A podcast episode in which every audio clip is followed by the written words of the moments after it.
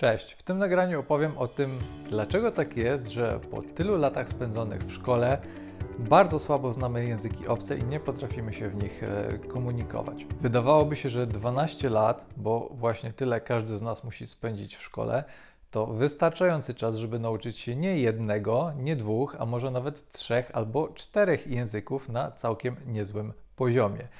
Natomiast rzeczywistość wygląda tak, że większość osób, które kończą e, ten przymusowy etap edukacji, potrafi porozumiewać się bardzo słabo, albo może nawet wcale w jednym języku, którym jest prawie zawsze angielski. I w tym nagraniu podam e, sześć powodów, które tłumaczą, dlaczego tak jest. Być może ty masz e, jakieś swoje obserwacje, jeżeli tak jest, jeżeli będzie coś, o czym nie wspomnę, to możesz e, napisać o tym w komentarzu. Pierwszym z tych powodów jest to, że wszyscy uczą się tego samego. Jeżeli wszyscy muszą uczyć się tego samego, to oczywiste jest, że wiele osób będzie musiało się uczyć tego, czego nie chce się uczyć. A to oczywiście prowadzi do zniechęcenia. Wszyscy chcielibyśmy się uczyć tego, co rzeczywiście jest nam potrzebne i tego, co lubimy. Natomiast y, istnieje coś takiego jak podstawa programowa, która e, zakłada, że wszyscy muszą uczyć się tego samego. Oczywiście nauczyciele mają jakieś niewielkie pole manewru, ale muszą się trzymać tej e, podstawy programowej. I zazwyczaj to wygląda tak, że nauka w trakcie roku szkolnego przebiega według e, pewnego schematu, który narzuca podręcznik. I zazwyczaj na początku mamy jakieś słownictwo związane ze szkołą, potem z rodziną, ze sportem, z przyrodą, z kulturą itd. Tak e, I zazwyczaj wygląda to właśnie mniej więcej e, w ten sposób. Często zaczyna się od szkoły, bo no, wydawałoby się, że to jest naturalne, bo to jest to nasze najbliższe środowisko, w którym przebywamy. E, i uczy się nas takich słów jak tablica, piórnik, cyrkiel, e, ołówek, linijka, kreda itd. Tak e, ale po co? To nie są słowa, z których najczęściej się korzysta w jakimkolwiek języku. W dorosłym życiu tych słów się nie używa, ja ich nie używam i tak naprawdę poza salą lekcyjną te wszystkie słowa E, których uczymy się na pierwszych lekcjach, są bezużyteczne. Wspominałem już o podręcznikach. E, raczej nie jest tak, że jakiś konkretny podręcznik jest e, narzucony. Zazwyczaj nauczyciele mogą wybierać, mają dwa, trzy, cztery podręczniki do wyboru, ale tak naprawdę różnice między nimi nie są bardzo duże, bo oczywiście wszystkie te podręczniki muszą być oparte E, na tej podstawie programowej, o której już e, wcześniej wspomniałem. Więc e, to, że wszyscy uczą się tego samego, nie jest do końca dobre i jeżeli oglądasz mnie już od jakiegoś czasu, na pewno wiesz, że ja jestem zwolennikiem uczenia się tego, co jest nam rzeczywiście potrzebne. Kolejny powód to to, że języki nauczane są jak każdy inny przedmiot. Bardzo często jest tak, że lekcja języka obcego niczym się nie różni od lekcji innych e, przedmiotów. Natomiast języki e, dość wyraźnie różnią się od innych przedmiotów, bo język jest tak naprawdę obecny wszędzie, w każdej dziedzinie życia i to stwarza bardzo duże możliwości w kontekście nauczania tych e, języków. Bo jeżeli mamy takie przedmioty jak biologia, chemia, historia, no to tutaj to pole manewru już jest mniejsze, są to przedmioty w dużej mierze do wykucia na pamięć i tutaj mm, trudno wyobrazić sobie jakieś e, bardzo ciekawe i kreatywne metody nauczania tych e, przedmiotów. Natomiast języki są zupełnie inne. A rzeczywistość często wygląda tak, że e, języka uczy się tak jak na przykład matematyki za pomocą wzorów. Jeżeli e, nauczyciel e, przedstawia jakiś nowy czas gramatyczny, to bardzo często zapisuje to za pomocą wzoru, że to plus to plus to równa się to. I to budzi często takie nieprzyjemne skojarzenia z matematyką, jeżeli ktoś e, nie lubi tego przedmiotu. Często musimy uczyć się słówek z tabeli, której są słowa polskie i słowa angielskie na przykład. No i to też kojarzy się nam z innymi przedmiotami, na przykład z historią, gdzie często mamy tabelę, w której są daty jakichś wydarzeń i, i opisy tych wydarzeń mówiące o tym, co się w danym roku stało. Więc tutaj jest bardzo dużo podobieństw, a tych podobieństw nie powinno być aż tak dużo, bo języki stwarzają e, nauczycielom e, tych przedmiotów naprawdę bardzo duże e, możliwości.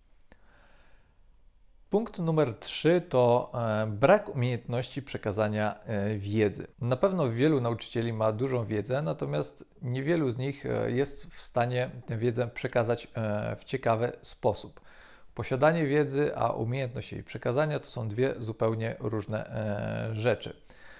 Chociaż e, tak naprawdę nauczyciele bardzo często słabo znają ten język, e, którego uczą. To jest inny problem, ale wspominam o tym, bo widziałem to na własne oczy, kiedy jeszcze byłem studentem i, i miałem praktyki w różnych szkołach. Widziałem, że e, teoretycznie y, ja powinienem gorzej znać ten język, bo ja jestem dopiero studentem, a ci nauczyciele już mają jakieś doświadczenie, mają za sobą skończone studia, natomiast często było tak, że e, wychwytywałem bardzo dużo różnych e, błędów albo widziałem sytuacje, w których e, nauczyciele nie potrafili czegoś wyjaśnić.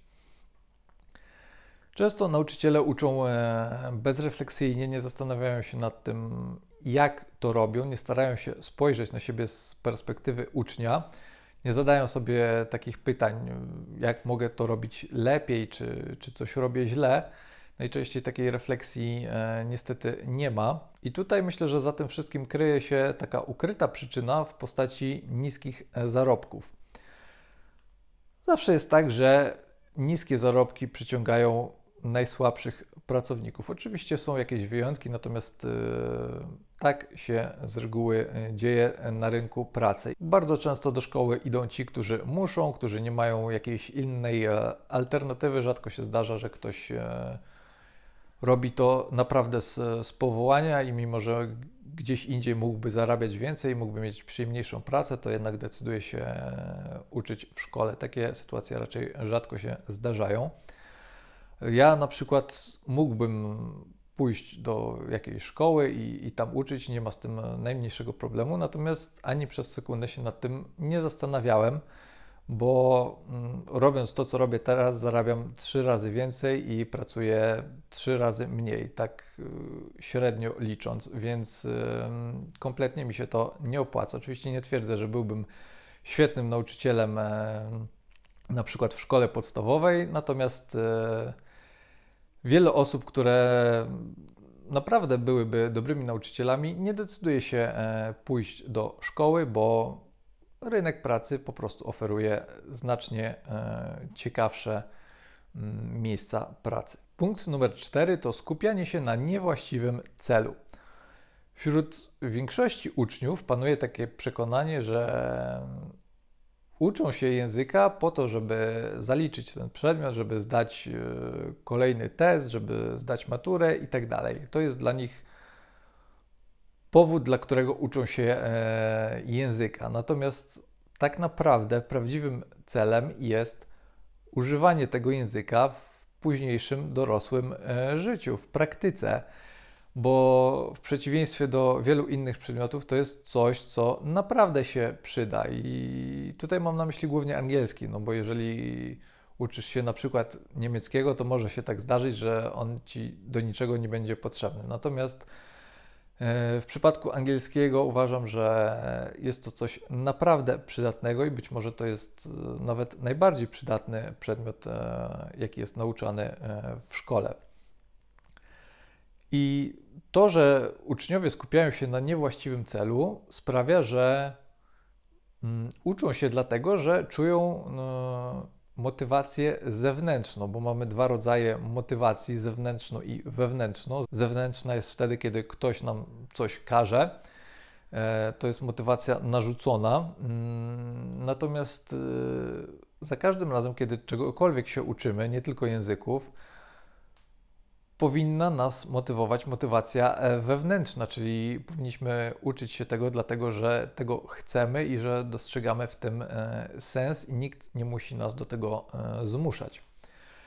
Natomiast motywacja zewnętrzna prowadzi do tego, że czujemy większą niechęć, nie odczuwamy jakichś e, szczególnych emocji związanych z nauką albo odczuwamy złe emocje i to wszystko sprawia, że gorzej się uczymy. U wielu osób widać e, minimalizm i wiele osób e, zadowala się niskimi ocenami i to prowadzi też do tego, że nie mamy własnej inicjatywy, nie uczymy się języka dlatego, że chcemy, tylko robimy to, co ktoś nam każe. Punkt numer 5 to przesadne skupianie się na poprawności, a nie na komunikacji. I to jest ważne zwłaszcza na początku nauki, bo oczywiście z czasem należy dążyć do e, pełnej poprawności, natomiast na początku najważniejsza jest komunikacja, bo to jest właśnie podstawowy cel języka. Języki istnieją po to, żebyśmy się mogli komunikować, żebyśmy mogli przekazać drugiemu człowiekowi to, co rzeczywiście chcemy powiedzieć i to, co jest dla nas e, ważne.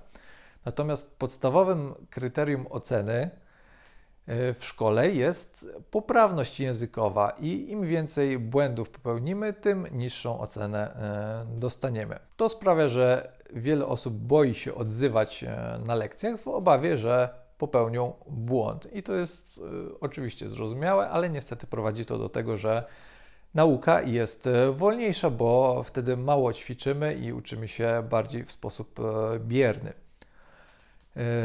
Częsty błąd polega na tym, że nauczyciele wytykają uczniom absolutnie wszystkie błędy, a nie tylko najważniejsze. Tutaj mam na myśli sytuację, w której jest tych błędów naprawdę dużo, na przykład w wypowiedzi ustnej. Nauczyciele często nieumiejętnie poprawiają takie błędy i robią to w trakcie wypowiedzi, a nie po. Często taką wypowiedź e, przerywają, a uważam, że powinno się to robić tylko wtedy, kiedy mm, ktoś, ktoś się zatnie, nie może sobie przypomnieć jakiegoś słowa albo kompletnie nie da się go zrozumieć. Takie błędy, które nie uniemożliwiają zrozumienia tego, co ktoś mówi, powinny być poprawiane po tym, jak ten ktoś skończy mówić, bo jeżeli robi się to w trakcie, to jest coś stresującego i, i taka osoba, która zabiera głos w trakcie lekcji, może po prostu się zniechęcić i, i przestać e, mówić. I ja tak naprawdę z e, takim podejściem spotkałem się dopiero e, na studiach, bo tam e, bardzo często wykładowcy nie przerywali wypowiedzi, tylko zapisywali sobie błędy i dopiero jak ktoś skończył mówić, wtedy te błędy poprawiali i tłumaczyli, dlaczego powinno być tak, a nie tak jak ja powiedziałem. I moim zdaniem takie podejście jest dużo lepsze. Ostatni punkt, punkt numer 6, to brak kontaktu z żywym językiem. Mm, nauka w szkole jest oparta na podręcznikach, a język, który jest w tych podręcznikach, bardzo często nie jest tym samym, który można usłyszeć na co dzień w prawdziwym życiu. Ten język jest troszeczkę inny. Te dialogi, które tam można przeczytać, są często trochę sztuczne i bardzo często jest to język, e, którego się nie używa na co dzień. Jest tam słownictwo, którego się raczej nie używa. E, I tutaj mogę podać taki przykład e, nie z języka obcego, ale z języka polskiego, więc będzie to trochę odwrotna sytuacja, ale bardzo często w podręcznikach do nauki języka polskiego dla obcokrajowców można znaleźć takie pytanie: jak się masz? No i teoretycznie y, nie ma w tym nic złego, no bo takie pytanie istnieje, to jest poprawne oczywiście. Natomiast problem polega na tym, że nikt tak nie mówi. Ja nigdy w życiu nikogo nie zapytałem, jak się masz, i nikt nigdy mnie nie zapytał, jak się masz. Mówię tu o rozmowie między dwoma Polakami, dla których język polski jest językiem ojczystym. Teoretycznie takie pytanie istnieje, i ono jest e, bardzo często używane jako tłumaczenie how are you na przykład, Ale nikt jakoś nie zwraca uwagi na to, że tak się po prostu nie mówi. I jeżeli ktoś nawet z perfekcyjną wymową powie, jak się masz, no to ja już wiem, że to jest obcokrajowiec, który się tego języka nauczył, bo wiem, że żaden Polak by tak e, nie powiedział. I bardzo wiele podobnych przypadków jest też w innych językach. Mm, to, o czym mówię, czyli ten e, brak kontaktu z żywym językiem, e, dotyczy też nagrań, nie tylko tego, co jest napisane w podręcznikach. Często nauczyciele korzystają z nagrań i na tych nagraniach uczestnicy dialogu wypowiadają się zawsze bardzo wolno, bardzo wyraźnie Natomiast y, potem, kiedy taka osoba, która uczy się tego języka, zetknie się z tym żywym językiem, może mieć problem, bo nagle okaże się, że ludzie nie mówią tak wolno i tak dokładnie. Zawsze mówią trochę szybciej, trochę bardziej niedbale, i wtedy okazuje się, że e, jednak nie jesteśmy w stanie zrozumieć tego e, wszystkiego, co ktoś do nas mówi, mimo że na lekcjach tak nam się mogło e, wydawać.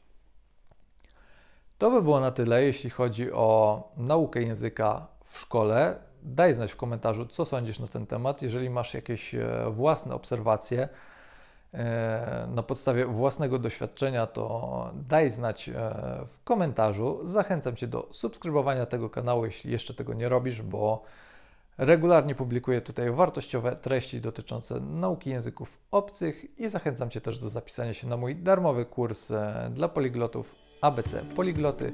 Link do niego znajdziesz w opisie poniżej. Do zobaczenia w kolejnym odcinku.